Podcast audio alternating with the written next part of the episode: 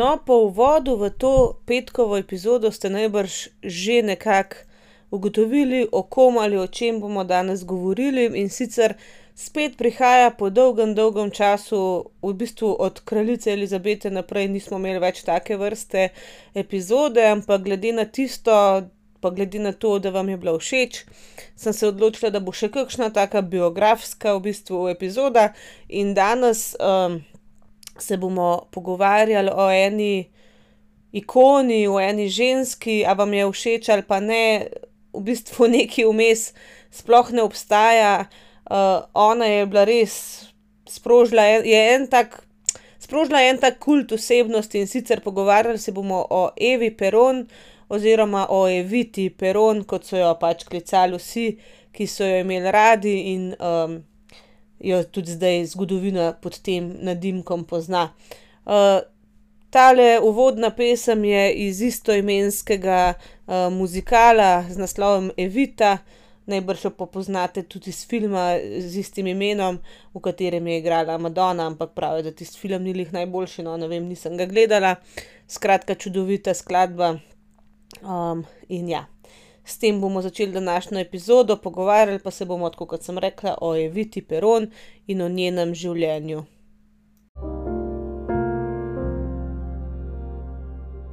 Evito Peron zgodovina zdaj pozna kot eno glamurozno žensko, ženo argentinskega predsednika Juana Perona, aktivistko, borko za pravice žensk, za pravice revnih, tudi nekako nosilko tega njenega kulta osebnosti. Predvsem pa kot zelo, zelo lepo žensko, ne. In, težko si predstavljamo, da je ta ženska začela svoje življenje na tako mizeren način. zdaj podatkov o njenem rojstvu, zanesljivih, v resnici skorajda ni, a ne.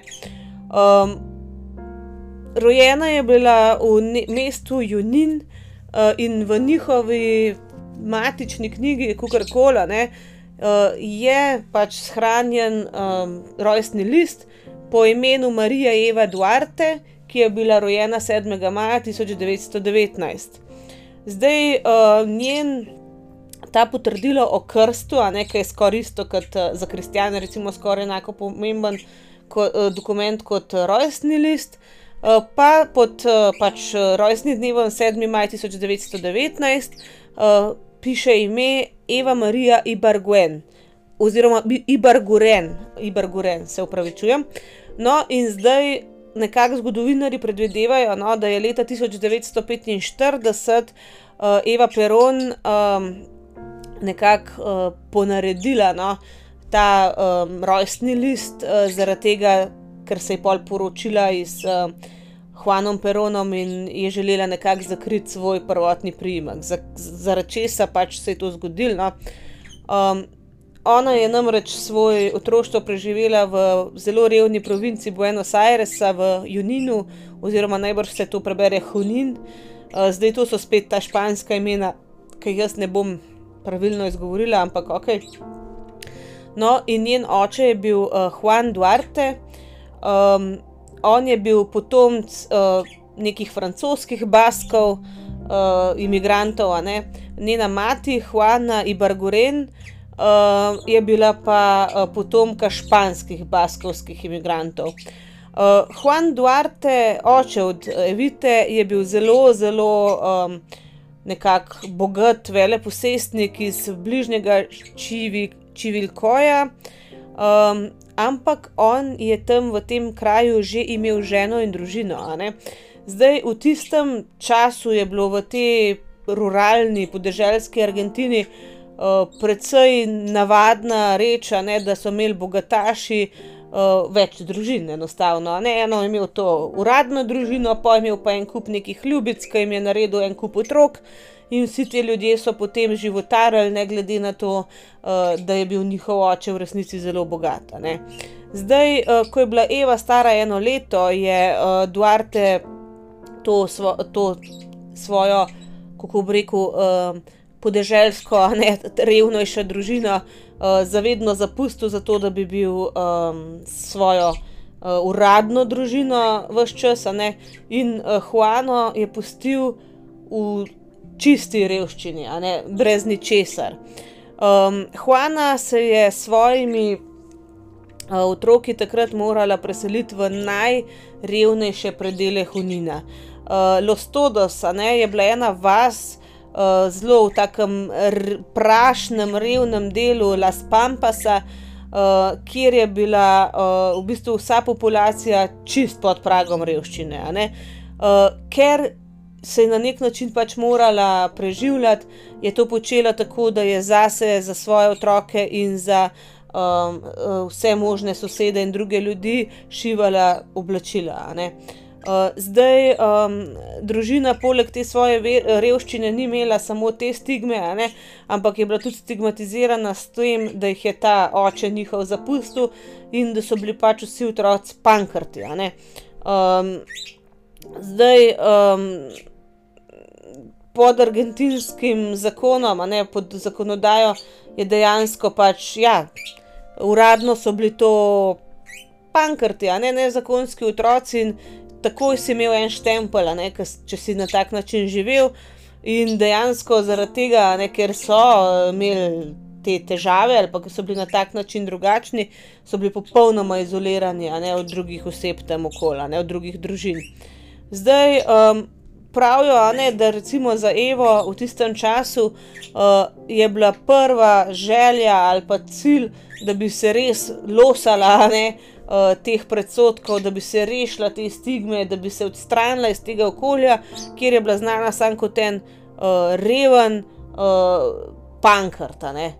In zaradi tega naj bi tudi leta 1945 pač uničila svoj uh, originalen uh, rojstni list, ne, na katerem je bil očetov priimek. Ko je bila Evita stara sedem let, je njen oče nepričakovano umrl in uh, Juana je s svojimi otroki pač želela iti na pogreb, ne, te otroci so njega prej poznali. Ne, in um, tam je prišlo res do enega neprijetnega dogodka. Zdaj, Juano in otroke so seveda spustili v crkvu, da bi se poklonili uh, pokojnemu očetu, pa ona pokojnemu partnerju, bivšmu, ne? ampak um, njegova žena, ne ta prava žena, uh, Duartejeva. Um, ni želela imeti ljubice svojega moža, pa uh, njegovih pankrtov na njegovem pogrebu, in je ukazala, da naj grejo ven. Uh, je naredila tam celo sceno.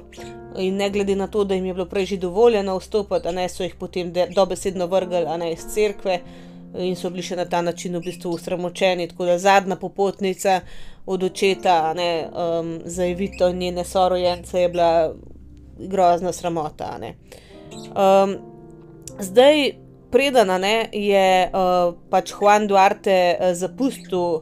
Juano, a ne vsi so bili Juan pa Juana, to je tako, kot ne vem, Jožef pa Jožica. Uh, v glavnem, on je bil glavni vir dohodka njega. Uh, in zaradi tega, uh, zaradi tega je pač uh, ona svojim otrokom tudi dala njegov priimek, ker je on uradno priznal, da so njegovi otroci. In uh, na ta račun je pač on za nje moral tudi skrbeti, dokler se jim ni čisto odrekel. Ampak, pokaj se jim je, uh, uh, so se preselili potem v uh, eno stanovanje, uh, pol kasneje, ne, ko so se malo pomagali iz te najrevnejše uh, četrti. Um, so se preselili v stanovanje, eno sobno, v resnici, ne cela družina. In um, pač Juana in te starejše hčerke, tiste, ki so bile že sposobne delati, so delale kot uh, kuharice, a ne v pač hišah teh bogatašev, ne teh bogatejših ljudi. In um, kasneje, ne, ko so one že nekaj zaslužile, potem je pa še starejši Evin brat tudi zaslužil in jim finančno pomagal, se je družina vendarle uspela preseliti v eno večjo hišo, uh, ki so jo kasneje pač spremenili v. Uh, Hišo za pač oddajanje sob in tako, ne so oddajali še druge sobe. No. No, in že v tem času, ne, potem, ko je bila Eva že v šoli, ne, ko se je družina Mčka finančno pomogla, je začela Eva v šoli ne, eh, nastopati na raznih uh, prireditvah, na koncertih, v predstavah in tako naprej. in eno, ena od njenih najljubših prostočasnih dejavnosti je bil pa kino. Zdaj, uh, oni se niso mogli veliko prvoščati, ampak recimo vsake tok časa je potem, ko so se že upomogli, mama lahko prvoščila Evi, recimo vstopnico, da je šla pa si ogledala kakšen film. Um, pač glavni plan, ki ga je imela mama za Evo, ki je bila že v tistem času zelo lepo dekle, je bil, da se poroči z nekim bogatim človekom in, ja, in da je na ta način preskrbljena. Uh, ni bilo malo snupcev, primernih ali pa ne primernih, kar koli se vzame, ampak bogatih snupcev se Evi ni manjkalo, ker tako, kot sem rekla, bila je lepa punca. Ne? Ampak Eva je imela čist druge načrte za svoje življenje. Uh, njen cilj, njen glavni cilj v življenju je bil, da bi postala um, pač slavna igralka. Uh, oktobra 1933 je v eni uh, otro, uh, otroški šolski predstavi igrala um, neko manjšo vlogo. Uh, predstavi je bilo naslov Ariba Estudiantes uh, in um, rekli so, ne, da je bila to emocionalna, patriotska, um, z zastavo mahajoča melodrama. Ne, tako da to ni bila neka lahkotna otroška igrica.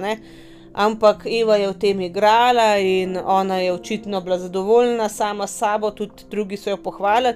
In po tej igri je Eva rekla: Ok, ja, na vsak način bom jaz postala igralka. Zdaj, vsi ljudje, ki jih je ona poznala in so že dejansko bili kdaj v kakšnem velikem, velikem mestu, ne, so ga res upisovali kot en, ne vem čaroben kraj, da to je res, skoraj da bi v nebesa prišel. In Evi je to sam še spodbudil, to željo potem, da se ona vendarle nekam odseli in gre iskat srečo nekam drugam. Ne. Uh, tudi predstavljala si je, da v mestih je čist samo in zgolj um, bogatija, da tam, ko prideš enkrat, ja, je to to. Leta 1934, pri svojih 15 letih, je zato Eva skupaj z enim mladim muzikantom oziroma glasbenikom, ne, uh, uh, ki je bil takrat njen fant, um, ušla iz te svoje revne vasi in se preselila v uh, Buenos Aires, v pač prestolnico Argentine. Zdaj tam, seveda, si predstavljate, da se je ta razmerje med njo in med tem partnerjem končalo zelo hitro, ampak Eva je v Buenos Airesu ostala, njen cilj je bil Buenos Aires, ne pač ta, ta tip. Uh, začela je iskati pač službe na odru, na radiju, kako koli. Uh, našla je uh, kar nekaj dela na radiju in je na radiju igrala v teh radijskih igrah. Zdaj tega ni več veliko, ampak včasih je bilo dost, uh, ko ni bilo še televizije, to, kar je bil radio prej, so bile radijske igre, ki jih mi poznamo bolj v, um, v obliki teh otroških, no? ki so bile na kasetah, ki so v bistvu odigrali vloge temu bi zdaj rekli skoraj zvočna knjiga, ne samo zvočne knjige so bolj brane, tiste so pa prav tako bolj dramatično prebrani prizori. No. V glavnem v tem je ona začela igrati ne, uh, in eventualno prišla tudi do filma, ker za na radio so sicer rekli. Uh, da je imela zelo prijeten glas, da je imela tudi uh, dikcijo in vse, kar je rabila, ne, za uh, odigrati te vloge, bila je pa tudi prijetna na pogled, ker so mogli pač promovirati te radijske igre, da so jo lahko dali na kak letak.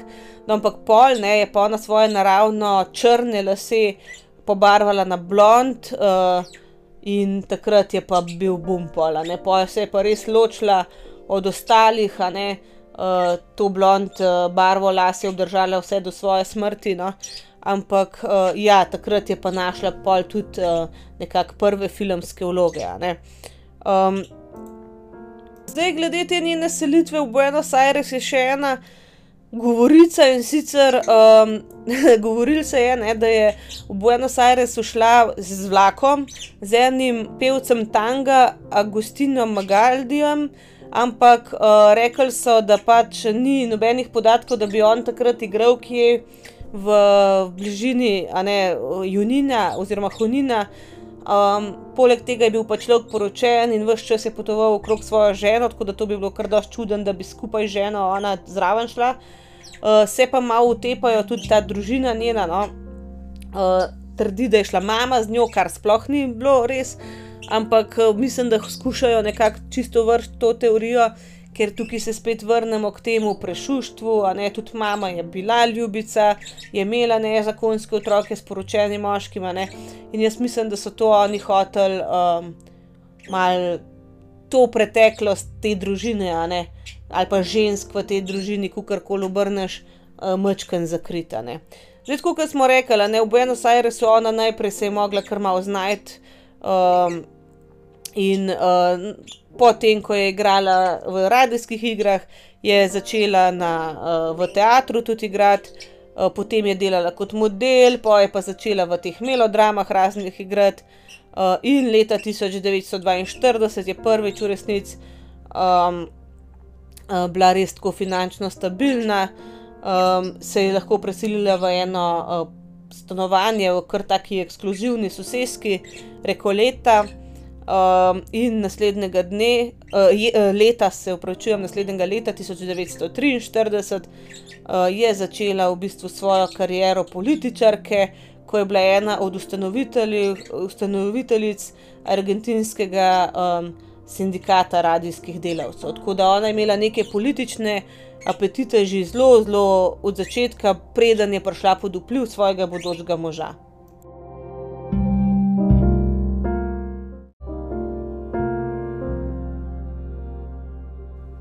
15. januarja 1944, zdaj čez par dni bolih obletnica, ne, se je v mestu San Juan v Argentini pri, pripetila ena grozovita naravna nesreča in sicer hud, hud potres, ki je umoril, v bistvu, mislim, ubil 10 tisoč ljudi. Zdaj, v odziv na to je Juan Perón, ki je bil takrat sekretar za delo, kot bi rekel minister za delo ali nekaj takega, eh, nekako eh, vzpostavil en uh, fundraiser, no, kako to zbiranje denarja, no, um, dobrodelno, zato da bi pomagali vsem tem ljudem, ki so bili prizadeti v tem potresu. In on je v bistvu naredil en plan, da bi naredili kukaren uh, umetniški festival, glasbeni festival, filmski kukarkoli, na katerem ne, bi pač zbirali ta denar.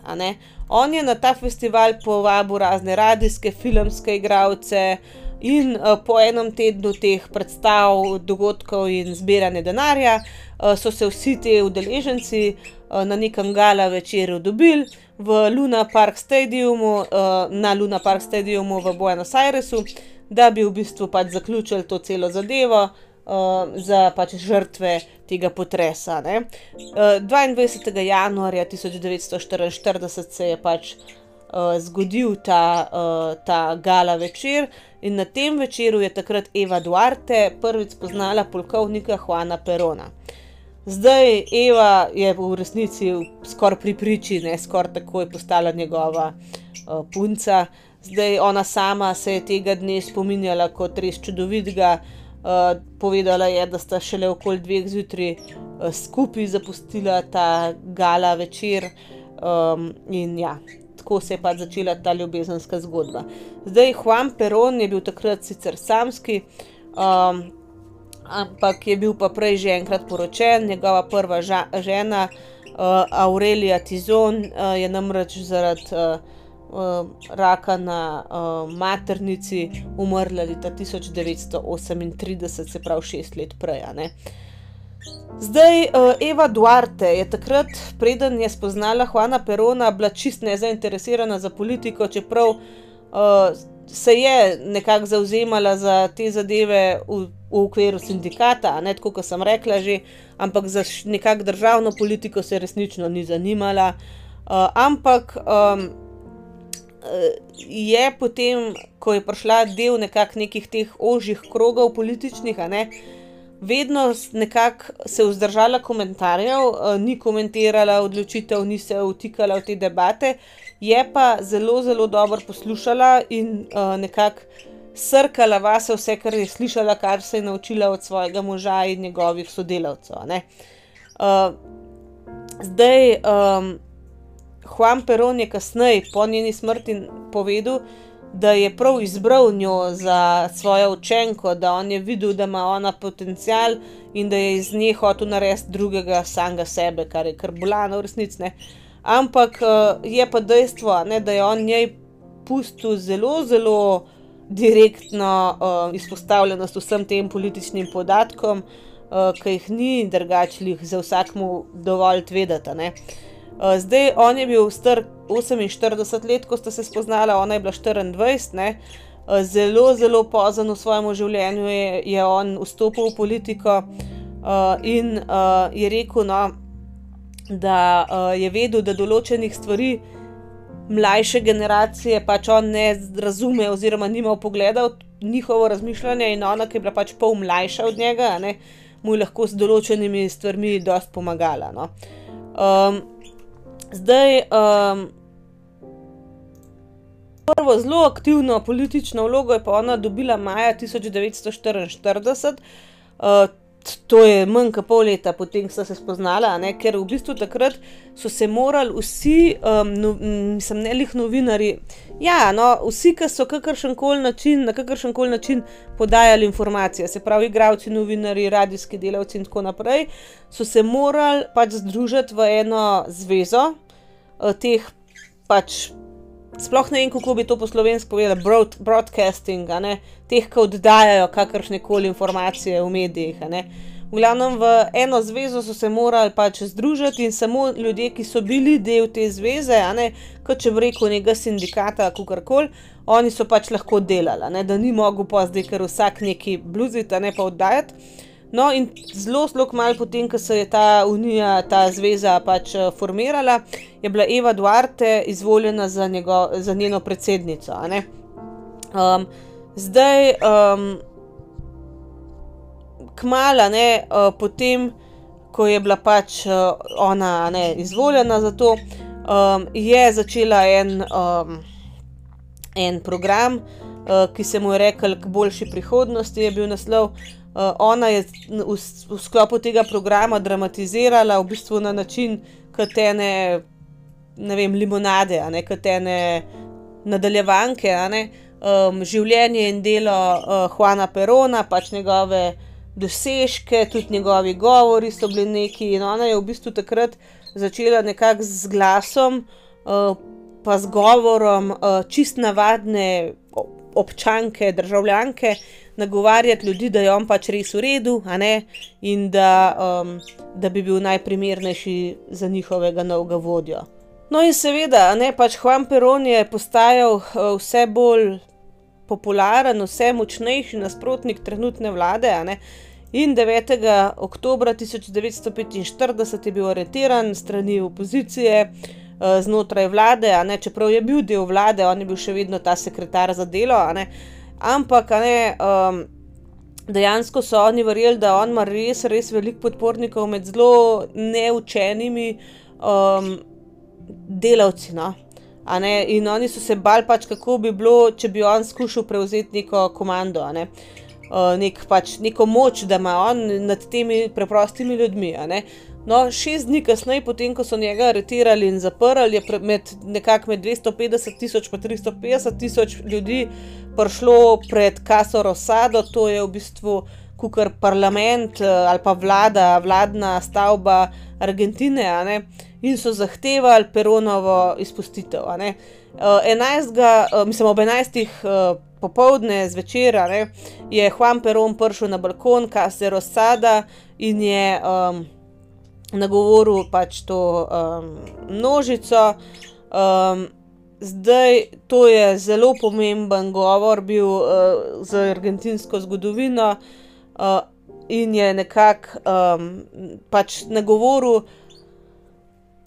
to množico tudi z nekimi mističnimi toni, uh, skoraj religiozne narave, ne, v smislu, skoraj da bi bil nek duhovni vodja njihov. Tukaj se že pomalo kažejo te smeri, v katere je pa vse skupaj šlo. Potem, ko je bil Peron izvoljen dejansko za predsednika, kasneje, ne, eno leto kasneje, uh, so dejansko uh, napisali zgodovino čisto svoje in so trdili, ne, da je Evita v tistem času, ko, v tistih šestih dneh, ko je bil pač on uh, areteran, ne, uh, pred 17. oktobrom, potem, ne, preden so se te um, uh, razpasle te demonstracije. uh, šla od vrat do vrat in je potrkala na vsaka vrata v Buenos Airesu, zato da je pač ljudi pripeljala na ulico. Ampak dejansko uh, to je bilo čist spopularizirano, ne, čist poneverjena zgodovina. Tudi v tem um, muziklu Evita je ta prizora, ne, ampak pravijo, da to resnici ni bilo resno, da ona v tistem času res ni bila še tako aktivna. Uh, bila je sam, sam nekakšna uh, igralka in ne, ni imela te moči. No. Uh, zdaj, ko so ga pač izpustili, vendarle iz uh, zapora, se je um, odločil, da bo kandidiral za predsednika države, in te volitve je on res uh, zmagal, brez problema. Uh, tudi Eva je bila pa zelo vključena tukaj v, um, v te. Um, v, v to predsedniško bitko na tej točki, no je bila ona že res njegova žena, tudi ne, sta bila že poročena, ni bila več samo punca uh, in um, uporabljala tudi ta svoj radijski šov, ki smo ga že prej omenjali, no, da so res te populi, populistične, zelo populistične. Uh, njegove govore predvajali uh, in nagovarjali, predvsem revnejše prebivalce, da se pač povežejo, uh, z nekakšnim peronovim gibanjem in da bo njim zaradi tega pol, seveda, boljša. Ne?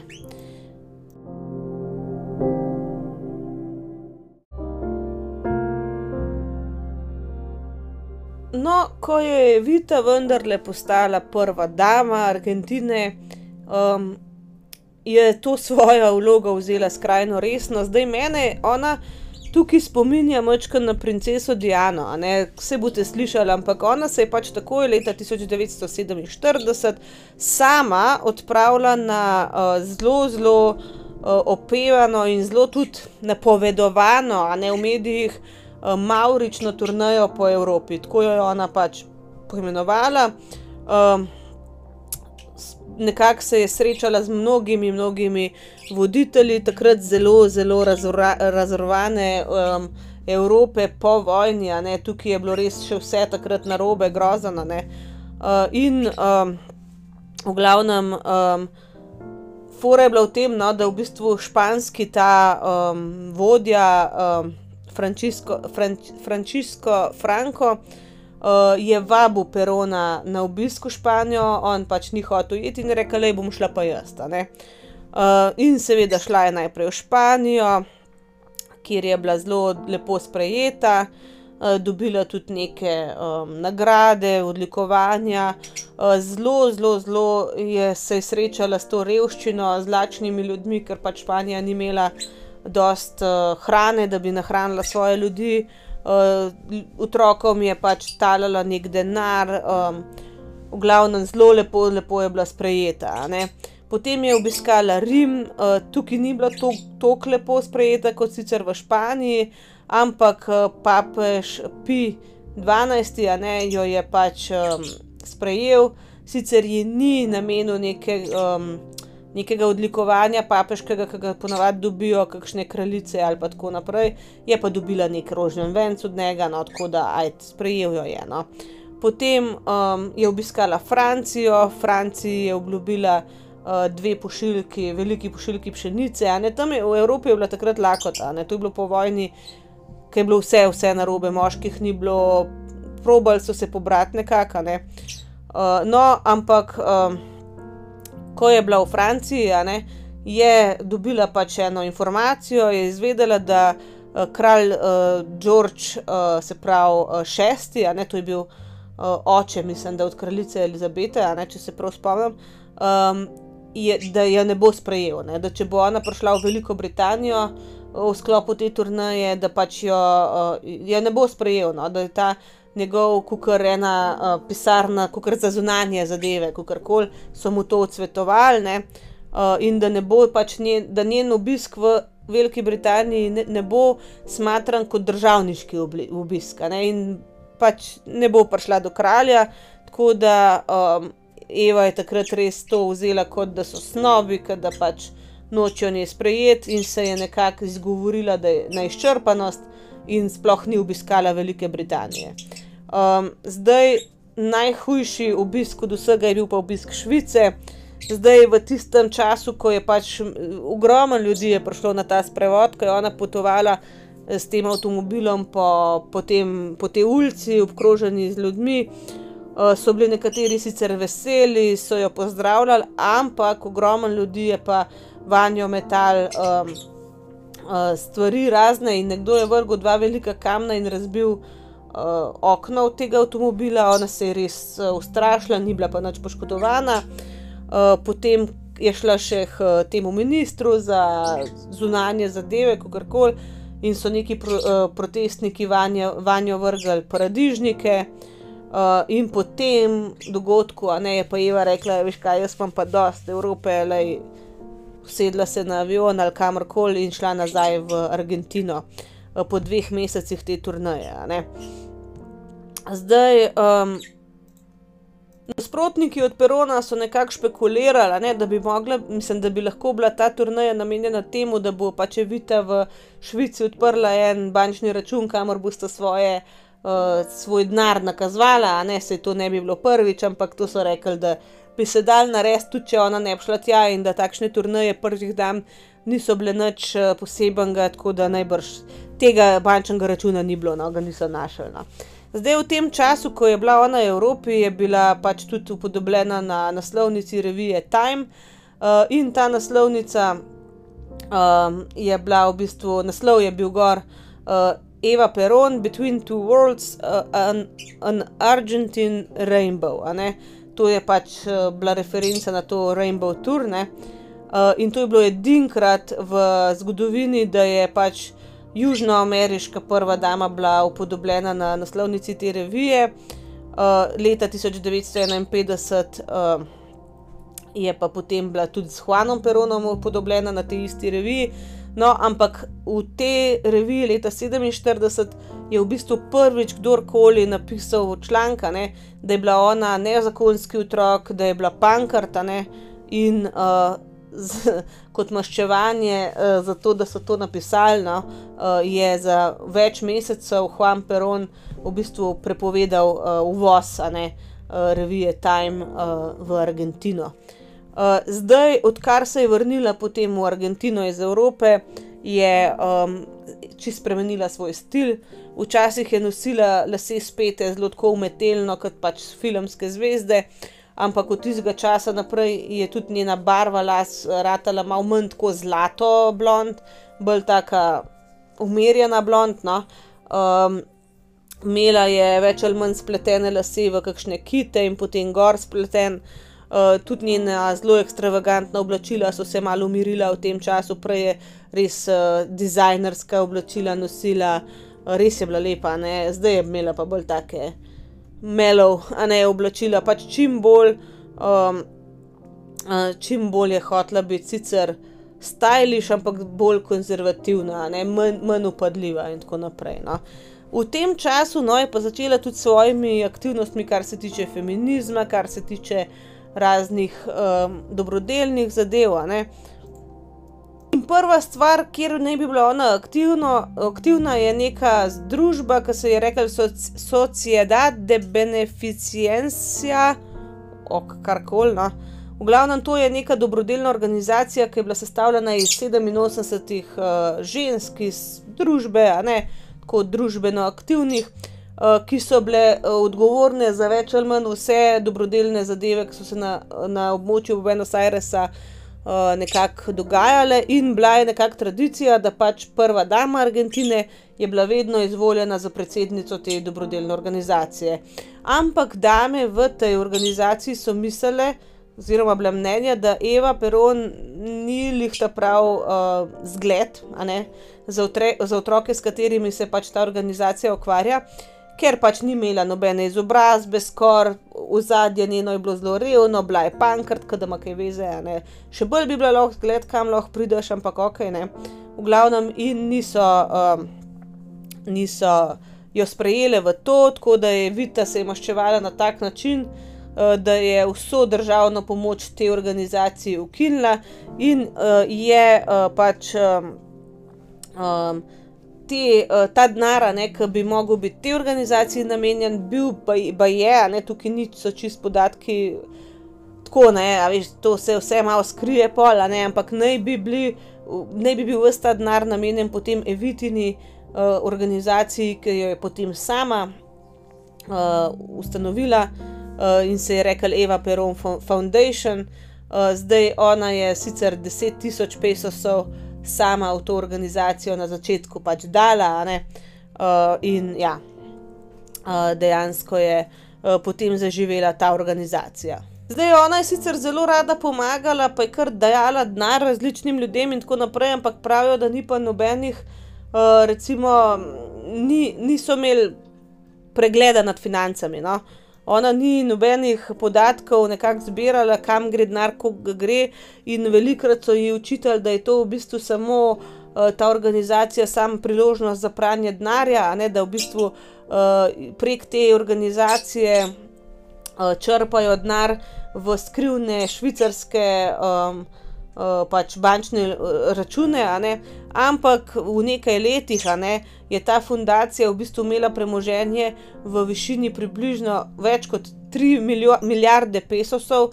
Oziroma, recimo 200 milijonov dolarjev ne, v tistem času. Uh, zdaj, imeli so zaposlenih 14 tisoč delavcev, od tega 6 tisoč teh gradbenih delavcev, 26 je bilo duhovnikov.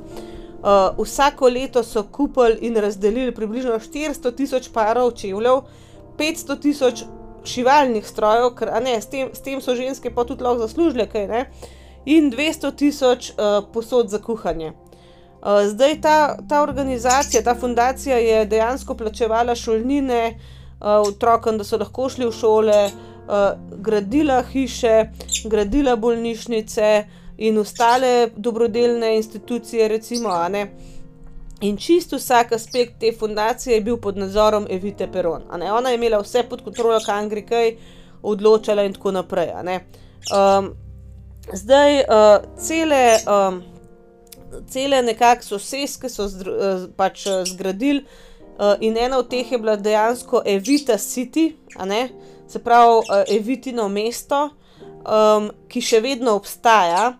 Uh, in um, dejansko so oni to naredili, sploh kar se zdravstva tiče, da pr prvič v zgodovini, recimo, ni bilo neenakosti, kar se tiče zdravstvenega sistema. Ne? Da so bili vsi, ne glede na socialni status, enako obravnavani. Uh, Zdaj um, pravijo, da proti koncu svojega uh, življenja naj bi Evita na dan kar 20 do 22 ur delala za to fundacijo. Uh, da je njen mož velikrat rekel, pač, da naj neha to delati, da naj si vsaj vikende vzame fraj, ampak uh, ja. Uh, rekla je, ne, da pač uh, več, bolj kaj delala s temi revnimi, ne, prek svoje organizacije. Eh, bolj je bila jezna na to družbo, v kateri lahko taka revščina sploh obstaja. Uh, in je rekla, da, um, ja, no, prav, da je jezna ratvala, uh, da je bila jezna na te bogataše, ki ne vidijo vse te revščine, da je hotela kar kloftati ljudi, pa da je lahko pogledaš, pač, kaj se z ljudmi dogaja. Uh, in ja, da se je pač prav odločila, da, bo, da se bo borila proti tej revščini, kar se bo lahko. Uh, um, ker to ni normalno, da ljudje tako živijo, kar je valjda tudi res. Zdaj, kot sem omenila, imela je tudi veliko, veliko uh, nekako uh, dela na področju feminizma.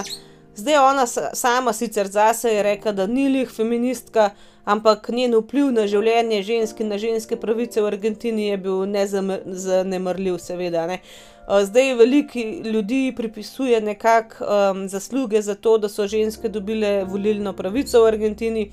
To seveda ni bila njena zadeva, čisto v celoti. Um, ona je pa sprožila v bistvu to diskusijo, da se je to pač začelo dogajati, da so v roku enega, dveh let res sprožili vse te primerne zakone in uh, so ženske dejansko dobile volilno pravico. Eh, podpisal je ta zakon njen mož, Juan Peron, in ga je dal simbolično njej v roke, kot da je to pač njen zakon. Tako da, ja, simbolično, se, sigurno je ona bila, lahko rečemo, maskota uh, tega movementa, ampak ni bila pa ona osebno lih odgovorna za to, da je vendarle do tega prišlo.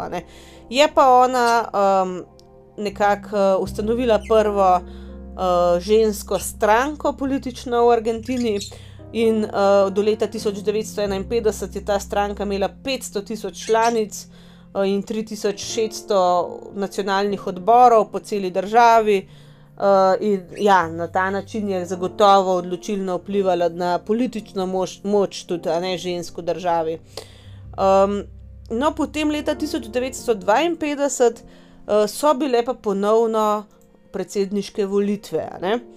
Juan Perón je bil seveda priljubljen med ljudmi, tudi na, na podlagi priljubljenosti svoje žene. Um, zdaj, on je sicer, jaz se ne bom v njegovo politiko spuščala, ker on je imel dosti črnega za nohti. On je v bistvu takrat vzpostavil čist policijsko državo. Ne? Mislim, ne bomo šli v, v njegovo politiko, ampak pač, ja, ona je bila strašansko priljubljena. Ona je bila Diana, da jim rečemo. No? Uh, recimo, kot Diana, pa Charles, ki njega ni ben maru, mislim, Perona, ne vem, koliko so marali, ampak Diano so pa oboževali in če si njo oboževal, si pač njega toleriral, ne tako približene vlokle. In ko so bile pač leta 52 spet volitve, a ne, so ljudje kar malo tako, a ne, kaj če bi ona kandidirala, a ne. In o, itak za val, predsednico valjda ne, ampak ne, je pa pol Juan Peron svojo ženo nominiral, nekako predlagal o, za kandidaturo za podpredsednico države. O, zdaj njegovi sicer njegovi zavezniki, ampak tisti malo bolj konzervativni, ne, so se pa tega malo ne lih ustrašili, ampak se niso strinjali. Ženske so lih dobro dobile volilno pravico, vse to smo rekli. In v primeru, da bi ona bila podpredsednica, kar bi bila zagotovo izvoljena, ne, če bi kandidirala, in če on umre, ne, če Hvam umre, postane ona predsednica. Ne, in to njim ni bilo všeč, tega niso hoteli uh, sprejeti in uh, ona je v resnici pol bila prisiljena uh, v bistvu zavrniti to, uh, to povabilo, da pač uh, bi kandidirala. Uh, zdaj, um, uradna verzija njenega odgovora je bila, uh, da, um, da je njena naloga v zgodovini, da pač poskrbi, da se velik del zgodovine zapiše pod imenom njenega moža. Uh, ampak ja um, v resnici je bila prisiljena reči ne. No. Zdaj, 7. Uh, uh, maja 1952, na svoj 33. rojstni dan, so, uh, je, je bil podeljen, na njen 33. rojstni dan, je bil podeljen naziv duhovne voditeljice države. Juan ji ga je podelil ta naziv 4. junija 1952, se je pa skozi Buenos Aires ona s svojim možem pelala v neki paradi ko so praznovali njegovo ponovno izvolitev za predsednika države. No, ampak na teh praznovanjih se je pa že videl, da pač z njo nekaj ni v redu. Ne? Že za 1. maja, pa po 7. maja, v bistvu ona ni mogla um, več sama stati, če jo ni Huam podpiral. Medtem ko je 4. junija na tisti pač paradi, je bila pa tako švoh, da je imela pač oblečen en krznen ali kakšen plašč da so ji lahko od spodaj namontirali kot en stojal, a ne da se je na tisto reč, ko je stala, da se je na tisto reč naslonila, da jo je tista reč gor držala, ker sama ni več mogla stati. Um, kaj se je z njo dogajalo, v resnici ljudje takrat še niso vedeli, ampak najhujše je, da tudi ona sama ne.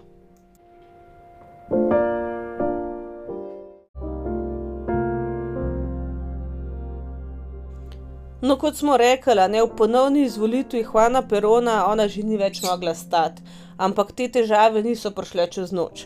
9. januarja 1950, to je tudi v teh dneh, ki jaz zdaj le snemam, ne, um, je pač obletnica, ne, je, je Evita prvič nekako v javnosti padla skupaj, ne, je umedlela, bila odpeljana v bolnišnico in čez tri dni je imela urgentno operacijo.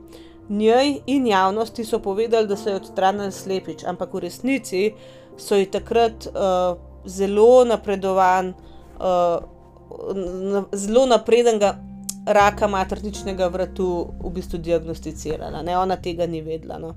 Uh, zdaj, skozi, skozi leto 1951 uh, je ona večkrat umedlela, potem bila je zelo, zelo švoh.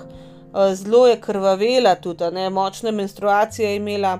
In uh, do leta 1951 ne je bilo že zelo jasno, da, da z njenim zdravjem nekaj ni v redu, ampak uh, ona ni nikoli v bistvu izvedla svoje diagnoze. No. Juan je vedel, da ima raka, ampak ji ni povedal, zato je tudi mogoče mečkam bolj pritisku, da bi pač zavrnila uh, to kandidaturo za podpredsednico države, ker je vedel, da ne bo pač. Da ni v redu in da, in da ta zadeva ne bila praktična. Ne. Zdaj, um, na skrivaj uh, je pač bila operirana in so ji odstranili pač maternico, jajčnike, vse, vse so ji pobrali ven uh, ampak uh, bilo, so bile pač metastaze že povsod. Uh, dva, leta 2011 no, so pa eni uh, neurokirurgi iz uh, Jela, ne iz te univerze, uh, preštudirali v bistvu um, rentgenske slike njene glave in tudi uh, fotografije, in ugotovili, ne, da je več kot očitno, mislim, najverjetneje, da ona. Um, prestala tudi lobotomijo uh, v zadnjih mesecih svojega življenja, ker tudi ni vedela, da jo je, proti njeni volji, neprostovoljno so ji naredili lobotomijo, da bi nekako zmanjšali bolečine, uh, pa to razburjenost, pa uh, nekako tesnobnost. Ne? Ki jo je čutila pač v zadnjih mesecih svojega življenja. Zdaj, kaj ji je pomagalo, kaj ni, mi ne vemo. No? Ampak nažalost se je pač um, res kljub temu, da je bila prva v Argentini, ki so jo zdravili s pomočjo kemoterapije, njena, njeno zdravje tako hitro slabšalo, no, da je do junija, 2000, eh, do junija 1952 tehtala samo še 36 kg. Zdaj pravijo, da je v bistvu tudi po tej lobotomiji eden glavnih nekakšnih stranskih učinkov. Eh, je bil, da ona ni več mogla jesti. Tako da zaradi tega je pol še bolj shujšala, pa še kemoterapija, pa vse in je šlo sam še navzdol. Umrla je na soboto 26. julija 1952 ob 8:25 popovdne, zdaj uh, vse radijske postaje so bile prekinjene uh, s to novico, in uh, ja, pač ljudje so res. Um, res začeli z hudim, hudim, dolgim obdobjem žalovanja. Takoj, takoj, ko je pač ona umrla, so v bistvu vse vladne aktivnosti ustavili v trenutku za več dni. Uh, za deset dni so spustili zastave na pol droga, uh, tudi uh, recimo vse, vsa podjetja, vse, vse, vsi firme, vse, vse no, uh, so se mogli ustaviti uh, takoj. Ne recimo sred filma se je ustavili in so mogli iti iz kina, uh, restauracije so priči, pri priči morale se sprazniti, uh, ljudje so mogli iti ven, ne. V glavnem, ampak eh, se ni noben pritožval, ker pač ljudje, a ne folk, so noro, noro žalovali za njo. Zdaj, um, pred vladno pala, palačo, kjer je pač, uh, mislim, rezidenco to, ne, kjer je ona umrla se je res grozna množica ljudi zbrala in so čist zafilali ulice. Uh, po deset teh ulic v vsako smer so do, konc, do konca napolnili ljudi. Uh, na jutro po njeni smrti, ko, pač, ko so predstavljali njeno truplo uh, v, um, v palačo nekako um, ministrstva za delo, ne, so osem ljudi poteptali do smrti. Uh, in uh, v naslednjih 24 urah je bilo prek 2000 ljudi v bolnišnice sprejetih zaradi teh poškodb, ki so jih doživeli uh, v tem stampedu, v resnici, ko so se množice valile proti vladni te palači, da bi pač bile bližje uh, Evitinga uh, trupla, ko je bilo transportirano. Uh, v glavnem, na tisoče ljudi so pa uskrbeli že tam na licu mesta, tako da to je bilo grozno. Zdaj, um, naslednja dva tedna se je, so se čez cele ulice vile um, te vrste ljudi, ko so čakali, da bojo lahko uh, šli gledati njeno truplo, uh, ki je bilo potem ne, izpostavljeno v uh, palači ministrstva za delo. Um, Nafilali so te, um, te ulice z rožami. V glavnem, v enem dnevu, potem ko je umrla, ni bilo ene rože več za kupiti v nobeni cvetličarni v Buenos Airesu, pač vse so pokupili. Uh, tako da iz drugih držav, uh, recimo tudi iz Čila, ne, so potem uvažali rože, da jih je folk kupoval, pa ne noso. Uh, zdaj, uh, ne glede na to, da ona ni nikoli imela nobene državniške funkcije uradne, ne, je imela državniški pogreb s temi vsemi častmi uh, in uh, istočasno tudi pač uh, rimokatoliški pogreb, uh, tudi uh, um, dejansko um, v Helsinkih na olimpijskih igrah imeli kukar eno mašo ali eno spominsko sloves, slovesnost, da se jo je lahko argentinska ekipa udeležila, ker je pač ona umrla v času, ko, ko so oni bili tam. No, tako da, uh, ja, ful, ful pomembno je bilo v resnici no, to za vse Argentince. Um, njeno, trup, njeno truplo so potem izpostavili še v eni palači in ga potem um, odpeljala, ne, da bi ga pač položili v počitku. Um, zdaj vmes je bila še ta fora, no, da v bistvu um, uh, v času peronove vladavine lahko rečemo.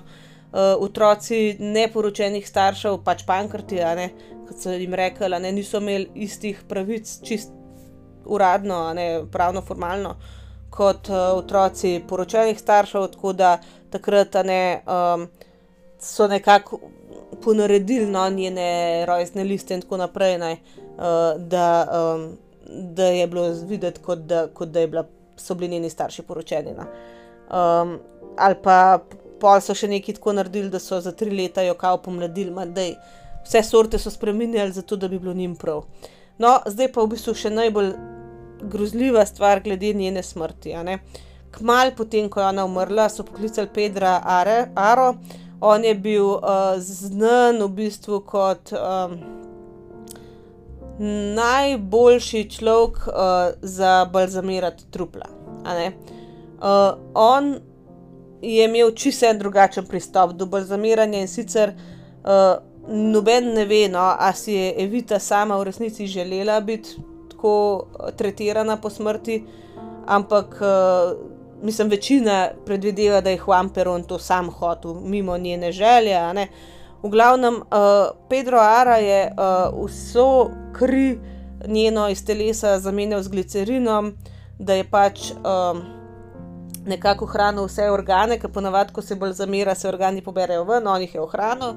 Uh, in na ta način je rekel, da je v bistvu ohranil videz, kot da človek samo spi, potem naj bi uh, njeno truplo prekril z enim tankim, tanko plastjo voska ali neke plastike. Uh, neke plastike, ne voska. Ljudje so pa rekli, da zgleda, da je voščeno, da ni ta pravo, ampak on je odlično opravil svoje delo v resnici. Ne? In uh, kmalo, v bistvu, potem, ko je ona umrla, ko je bilo vsega tega žalovanja, mislim, ne konc tega javnega, ne, je dejansko Juan Peron naredil načrte. Uh, da bi uh, zgradil en uh, spomenik Eviti Peron, uh, in ta projekt, ne, ta, ta spomenik bi bil višji kot uh, Kip Svobode v Ameriki. Uh, zdaj um, njeno truplo naj bi bilo pač um, izpostavljeno v uh, pretličju tega, ne, tega spomenika in bi bilo na ta način, kot recimo Leninovo truplo, ne, na voljo za ogled ljudem. Zdaj tukaj je tako, kot sem rekel, totalen kult osebnosti. Ne pač ljudje bi njeno truplo hodili gledati, to je čist res taščenje po božje, a ne enega človeka, ki je bil živ. Ne. Zdaj, um, vmes, ko so še delali ta, ta spomenik, je bilo njeno uh, truplo izpostavljeno in na voljo za ogled ljudem v eni njeni bivši uh, pisarni za skoraj dve leti, ampak še preden so pač dokončali njen spomenik, ne, so Juana Perona vrgli dol z oblasti, uh, v bistvu v eni vojaški pač akciji, dejansko državni udar je bil. Uh, leta 1955, in on je moral pač res tako na hiter uiti iz države, ne, da ni mogel za sabo v bistvu vzeti uh, ali pa zaščititi no, uh, trupla od Devite. Zdaj, um, ko je ta uh, vojaška di diktatura prevzela oblast, ne, so um, oblasti umaknile vidno truplo, da pač ni bilo uh, več na ogled, in 16 let in noben vedel, kje je. Um, zdaj, leta 1971, je vojska potem vendarle našla Evitino truplo, pokopano v eni kripti v Milanu, v Italiji pod imenom Marija Magi. Uh, zdaj, dejansko, potem, ko so jo pač um, izkopali, uh, so videli, da je bilo mal nekako uničeno, poškodovano njeno truplo v tem transportu. Uh, ampak v resnici čist mačken po obrazu, in poškodovana so bila stopala, ker je bilo njeno truplo v transportu po koncu postavljeno. Uh, dejansko mislim, da potem je uh, nekaj vmes, nekaj časa imel celo Juan Peron njeno truplo doma, uh, potem že z novo ženo. Ga imel kar v dnevni sobi na mizi ali kje ali v jedilnici, da je mu je njegova nova žena uh, je, a ne vidi, pletla vsak jutr, lase v razne kite, tako kar malo bolano.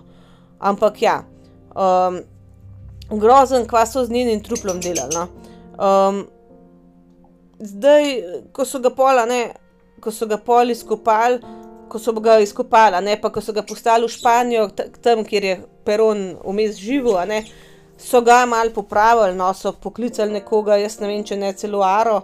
Eh, da je pač popravil, kar je bilo poškodovano, ampak je, da so rekli, ne, da ko so jo izkopali, da je bil tako dobro ohranjen truplo, razen tistih par poškodb, ne, uh, da nisi mogel govoriti, da to ni človek, ki je živ, pa pač še vedno tam samo spi.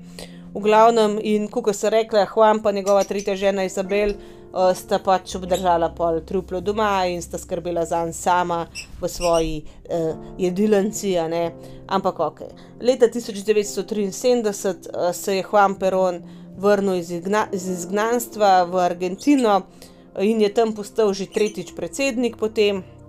Uh, umrl je pa v času svojega predsedovanja leta 1974. Uh, zdaj, um, Izabel Peron, a ne njegova tretja žena, je pa bila dejansko njegova podpredsednica in ko je on umrl, je postala predsednica Argentine in ona, Izabel Peron, je pol vendarle um, zahtevala, da se Evitino truplo vrne v Argentino in da bo pač uh, nekako izpostavljeno zraven trupla njenega moža. Uh, v glavnem, pač ona je prišla v Argentino nazaj, Evita, a ne njeno truplo. Um, in um, dejansko so potem um, je ležala zraven svojega moža, on je bil sicer v zaprti krsti. Um, in uh, Evin, Evitino truplo ne, je bilo kasneje vendarle pokopano v družinski grobnici družine Duarte na Le Recoleta, um, v tem pokopališču v Buenos Airesu. Uh, zdaj, argentinske oblasti, no, vseh vlad kasnejših, se res, res trudijo, da v bistvu ohranijo varno njeno grobnico.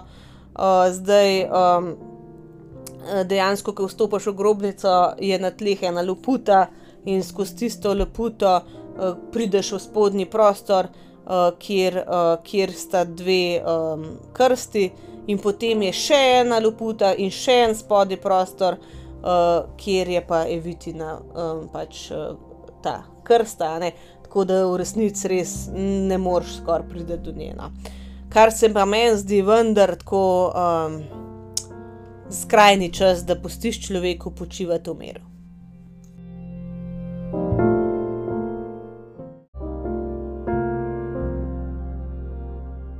Evita Peron je zagotovo ena od tistih žensk, od katerih imen ne bomo nikoli pozabili, najbrž um, nihče na svetu, a ne kaj šele ljudje v Argentini. Uh, sam tako, kot sem že večkrat vmes rekla, tukaj se je res zgodil en tak kult osebnosti, ki je bila ona čaščena, skoraj kot neka boginja, kar se meni nikoli ne zdi zdravo. Ne? Vedno, ko vidimo, da se nekega človeka, osebo na tak način časti, se na nek tašen ali pa drugačen način slabo konča. Zdaj, jaz se sem rekla v neke politične sfere Juana Perona, ne bom šla, se ne spoznam, ampak ja, ne, ne vem, kaj naj komentiram, mrsikaj tudi ni bilo dobro. Ne glede na vse ljudi, ki so jo imeli radi, je bilo veliko tudi nasprotnikov, kritikov tega njunga dela ali, oziroma njegovega režima, ona je bila pa pač zraven. Uh, bila je pa zagotovo karizmatična ženska in tudi tako bom rekla, uspeli je iz čiste revščine priti nekam, kar je zagotovo pohvalno in velik uspeh. Meni je okrog njenega življenja najbolj neverjetno to, um, s kakšno strastjo je ona delala. Ona je bila res tako malo Diani podobna, tudi recimo takrat, ko se še ni vedel, kako se bolezni prenašajo, pa to je ona vse čas neki objemala te bolne, se rokovala z njimi, čistko kot Diana, naprimer. ampak s to razliko, da Diana je bila politična, a ne tih. Ona se načeloma ni nikoli izražala glede nekih političnih stališč, medtem ko je Vita, je bila pa politično kar zelo tako. kar zelo strastna v teh svojih govorih, in to so jim mogoče nekateri nasprotniki mačkan zamerali. Um, zdaj, kaj naj rečem, um, to, kar se je končalo na koncu, kako so njeno truplo si okolj podajali, ga razkazovali. Ne vem, no, jaz si mislim, da si noben človek tega po smrti ne želi, lahko da je komu vse en, mislim, da se je konec koncev, vse te ni več tam, ampak jaz si mislim, da si vsak dostojanstveno zasluži biti pokopana. Ne?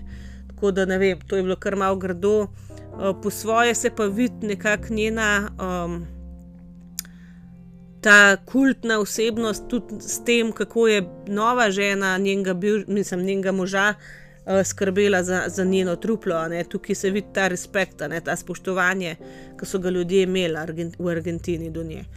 Um, to bi bilo to no, za to epizodo. Jaz upam, da vam je bila sploh zanimiva, ker je tako res čist biografska, ampak to so te zgodovinske osebnosti, ki so zanimive, ki pač um, so bile pomembne na tak ali pa drugačen način in ki so konec koncev naredile tudi prehod v pop kulturo. Mi vemo, da ta film, musical, res jo je pozdignil višave še bolj, naredil jo nesmrtno, še bolj kot je. Um, Pejte kaj na moj profil, ajde na klada podcast na Instagramu, zaupajte mi, se vam, kako se vam je zdel, uh, koliko ste že vedeli o njej, kaj ste vedeli, kaj vam je mogoče najbolj zanimivo, kar ste danes slišali, ali pa sam kaj pokomentirajte, če so vam take epizode sploh všeč. Drugače pa se poslušamo naslednji teden, uh, ostanite do takrat varni in zdravi in čau, čau!